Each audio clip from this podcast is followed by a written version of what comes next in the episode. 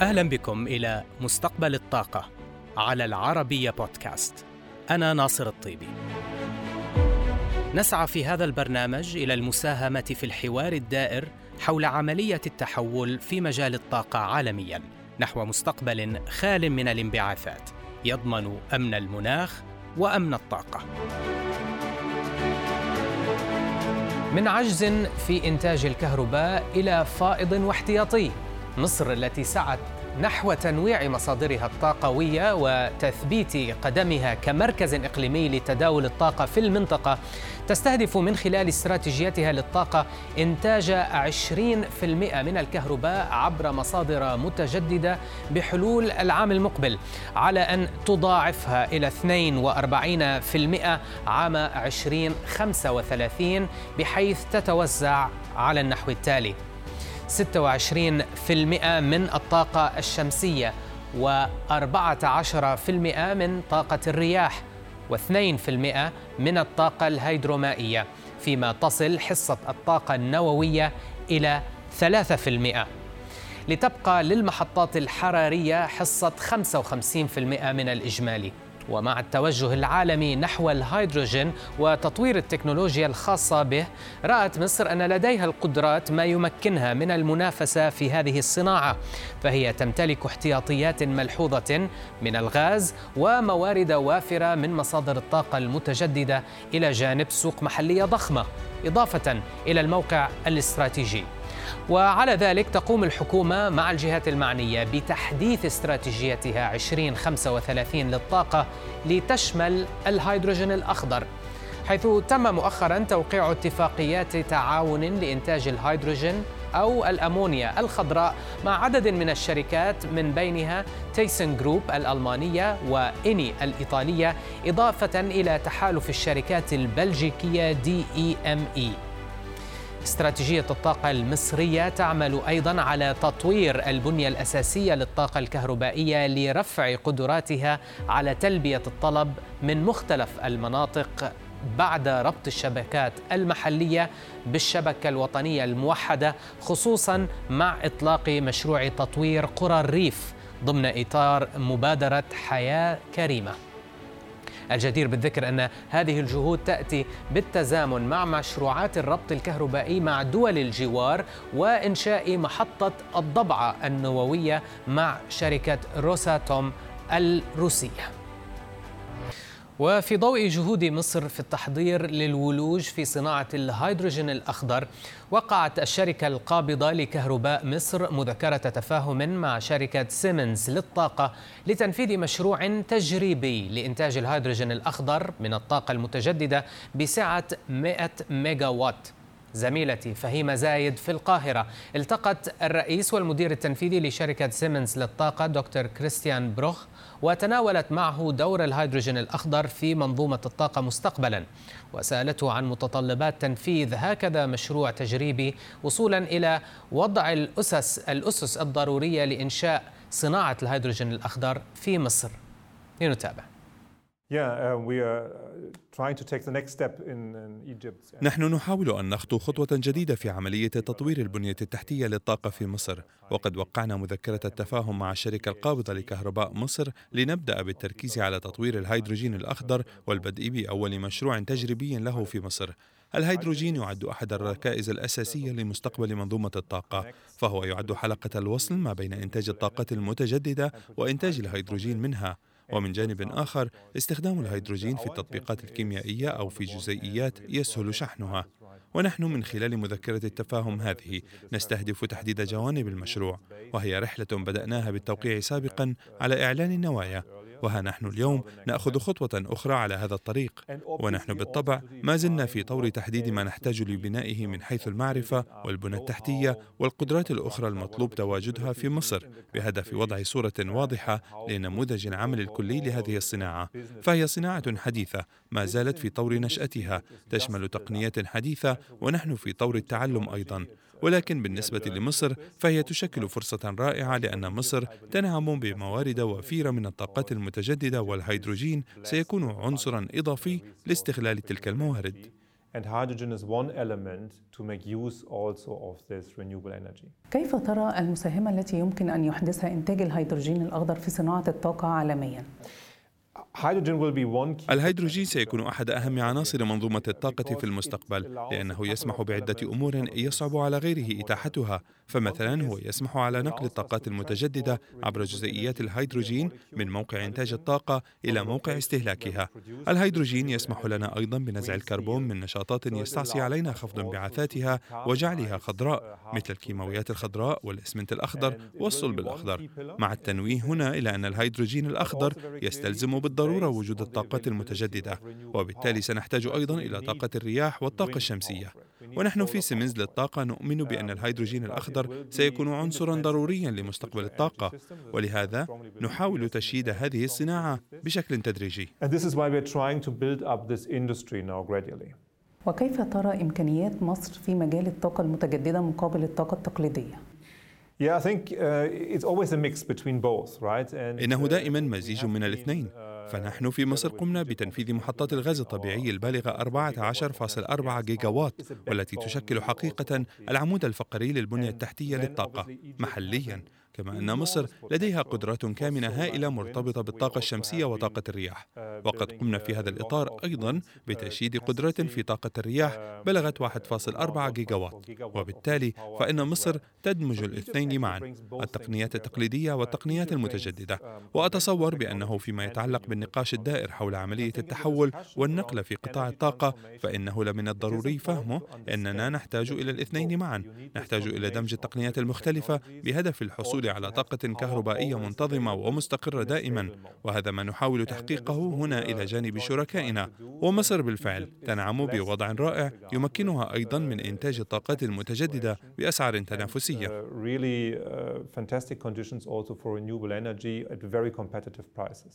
وما حجم المشاريع التي تنفذها سيمنز في مصر في مجال الطاقة؟ وكيف يمكن أن تحول مصر إلى مركزا للطاقة في المنطقة؟ مشاريعنا في مصر تشمل كل مراحل وحلقات سلسلة القيمة لقطاع الطاقة. بالطبع فإن حجر الأساس بالنسبة لنا هي محطات التوليد الثلاث العملاقة العاملة على الغاز والتي أنجزناها ونقوم اليوم بتشغيلها وصيانتها. كما أننا متواجدون أيضا في توسعة الشبكة الكهربائية في مصر ومدها إلى مناطق مثل العلمين الجديدة والمنصورة الجديدة وإيصال الكهرباء إلى هناك. كما أننا منخرطون في تحسين كفاءة استهلاك الطاقة في المنشآت الكهربائية. وذلك عن طريق رفع كفاءة محطات الضغط مثلا. فعلى سبيل المثال قمنا بتحسين كفاءة أحد محطات الضغط بنحو 25% هذا إلى جانب خفض الانبعاثات. وهذا هو نوع العمل الذي نعتقد بأنه رائع لأنه يسمح لنا بالعمل على كل سلسلة القيمة في قطاع الطاقة. من التوليد إلى التوزيع وصولا إلى الاستهلاك. ومصر سمحت لنا بالقيام بهذا العمل ولهذا نحن ممتنون وسعداء بالعمل هنا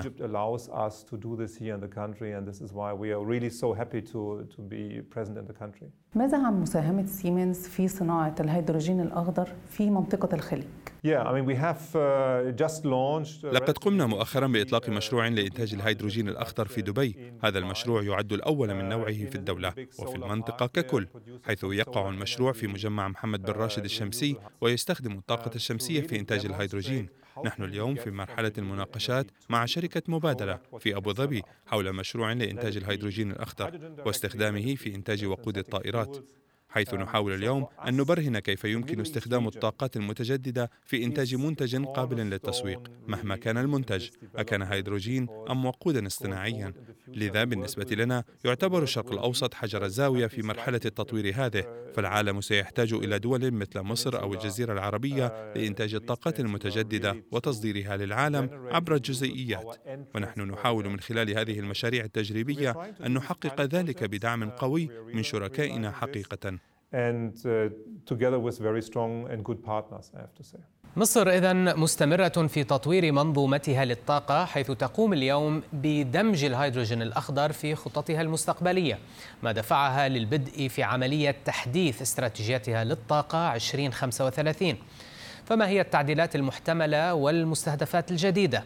هذه الأسئلة وغيرها طرحتها على نائب رئيس هيئة الطاقة الجديدة والمتجددة في مصر المهندس إيهاب إسماعيل استراتيجية الطاقة المتجددة نتكلم عليها الأول إن هي كانت حاليا بتستهدف أو اللي هي الاستراتيجيه المعلنة بتستهدف الوصول بنسبة آه، مساهمة الطاقات المتجددة في مزيج الطاقة 42% سنة 2035 الاستراتيجية دي تم اعتمادها في عام 2016 بناء على اللي حدث التطورات اللي حصلت في الأسواق الفترة الأخيرة وزي ما حضرتك تفضلت التكنولو... الهيدروجين بالذات يعني بدأت ترند عالميا على الهيدروجين والطلب زيادة على الهيدروجين وبصفة خاصة الهيدروجين الاخضر فبالتالي تغيرت الحسابات وكل يعني دولة بدأت تعيد حساباتها واستراتيجياتها بناء على احتياجاتها من هذا الطلب أم لا. وبالفعل مصر بدأت تحديث هذه الاستراتيجية إن هي بنأمل دلوقتي في استشاري عالمي بيقوم حاليا بتحديث الاستراتيجية لتصل إلى يعني مستهدفين لأكثر من 50% من الطاقات المتجددة في مزيج الطاقة في عام 2035 لتكون قادرة على إنتاج الكهرباء سواء العادية الكهرباء النظيفة في الشبكة العادية أو كمان بالإضافة إلى تلبية الاحتياجات بقى الهيدروجين الأخضر لأن الهيدروجين الأخضر يعتمد بصفة أساسية على يعني استخدام الكهرباء المنتجة من مصادر الطاقات المتجددة. فبالتالي هناك احتياج إلى مزيد من القدرات المركبة من المصادر المتجددة سواء الطاقة الشمسية أو طاقة الرياح. آه، بالفعل مصر حاليا بدأنا في بعض آه، مصر بدأت في خطابات نوايا توقعت مع بعض الشركات العالمية حاليا كمشروعات تجريبية للهيدروجين الأخضر. بنأمل إن إحنا بنزود الهيدروجين الأخضر في السوق العالمي. يمكن العين بتبقى على هنا مين اللي هيقوم بتنفيذ هذه المشروعات؟ مستثمر. وده بصفة أساسية بتعتمد على المستثمر. والمستثمر هنا في الحالة دي هيكون بتلبيه أو إن هو اللي هيكون مسؤول عن إنه هيبيع فين؟ في السوق العالمي ام وطبعا حضرتك عارف إن زيادة الطلب على الهيدروجين الأخضر حاليا وخصوصا من دول الاتحاد الأوروبي وخصوصا من دول العالم عشان اتفاقية باريس وإن إحنا تلبية اتفاقية باريس فهي دي بصفة أساسية هيكون كده. بجانب إنه تلبية جزء من من السوق المحلي لكن لو اتكلمنا على السوق المحلي بس هيكون غير كافي إن أنا أروح يعني هيكون في إضافة إن أنا محتاج أصدر في السوق العالمي لأن السوق المحلي ما زال صغير وسوق الهيدروجين بصفة عامة ما زال في مرحلة الن- النمو آه، طب باشمهندس الهيدروجين الأخضر ممكن استخدامه أيضا كأداة تخزينية للطاقات المتجددة. ما هي خطط مصر وتحديدا وزارة الكهرباء والطاقات المتجددة على صعيد مشاريع وحلول تخزين الطاقة؟ ليس فقط باستخدام الهيدروجين ولكن على صعيد كافة حلول التخزين وتقنيات البطاريات المتاحة. إذا كنا اتكلمنا على الهيدروجين دلوقتي بنتكلم على التخزين بصفة عامة يعني يعني حقيقي لأن التخزين برضو اللي حصل في في البطاريات وفي التكنولوجيات اللي حدثت والطفرة الهائلة في التقدم التكنولوجي البطاريات وأسعارها والتكلفة دلوقتي اللي بتتكلم بيتكلم فيها. فده جنبا إلى جنب مصادر الطاقة المتجددة ده هيبقى شيء هايل جدا لأن الطاقات المتجددة أنت عارف حضرتك متغيرة. متغيرة اللي هي طبقا لسرعات الرياح وطبقا لاشعه الشمس. ممكن الشمس لو في سحابة مرت أو حاجة بتحصل يعني ممكن المحطة نفسها الشمسية ما تنتجش عنها كهرباء. فبالتالي استقرار الشبكة وأيضا في في اثناء الليل في الطاقة الشمسية إن إحنا محتاجين أكيد. تخزين كهرباء. فإن ما كانش تخزين الكهرباء يبقى بأسعار اقتصادية وبكلفة بسيطة هيبقى أصبح عبء. وبالتالي هيبقى يعني مش هيبقى في طلب عليها. لكن اللي حصل دلوقتي في السوق العالمي والأسعار واللي بنسمع عنها دلوقتي فبدأت في استشاري دلوقتي برضو أيضا بيقوم بإعداد يعني دراسة عن أنسب السبل للتخزين واستخدامها في الأماكن. هل نبتدي فيها في الأماكن المعزولة عن الشبكة اللي هي بتستخدم حاليا بطاريات آه بعد- آه ديزل أم- اللي هي استخدام الديازل؟ ودلوقتي نشتغل ممكن نعمل محطات طاقة شمسية بالليل وبالنهار وبالليل نستخدم البطاريات بالليل في أغراض الري والأماكن البعيدة عن الشبكة.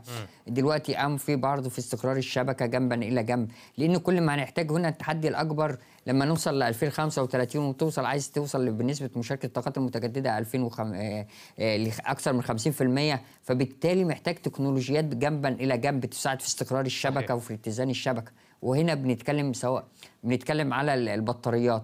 بعض كان في دراستين سابقتين على الضخ والتخزين استخدام الضخ إن أنا أضخ في اعلى اعلى الجبال وبالليل أنزل مية. صحيح. فده برضو يعني الاستشاري العالمي بيدرس أنسب وأقل تكلفة مين أقل تكلفة البطاريات في الوقت الحالي أم.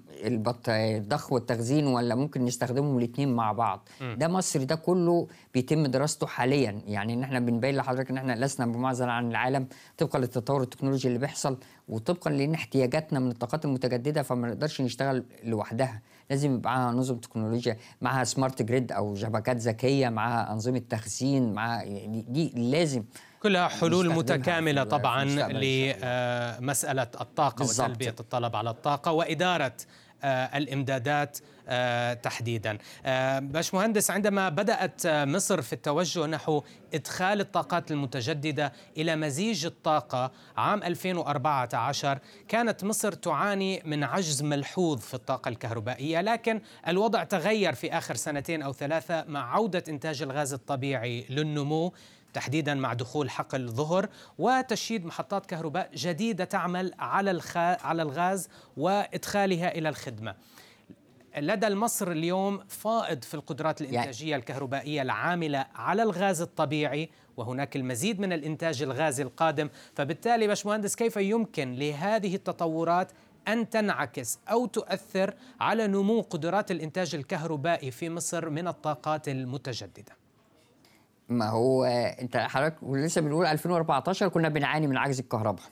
بنعاني من عجز الكهرباء نتيجة عدة عوامل نقص في الإمداد بالوقود أو بالغاز الطبيعي زي ما حضرتك تفضلت جانب قطع الغيار بعض قطع الغيار وبعض تقادم المحطات والحاجات دي كلها.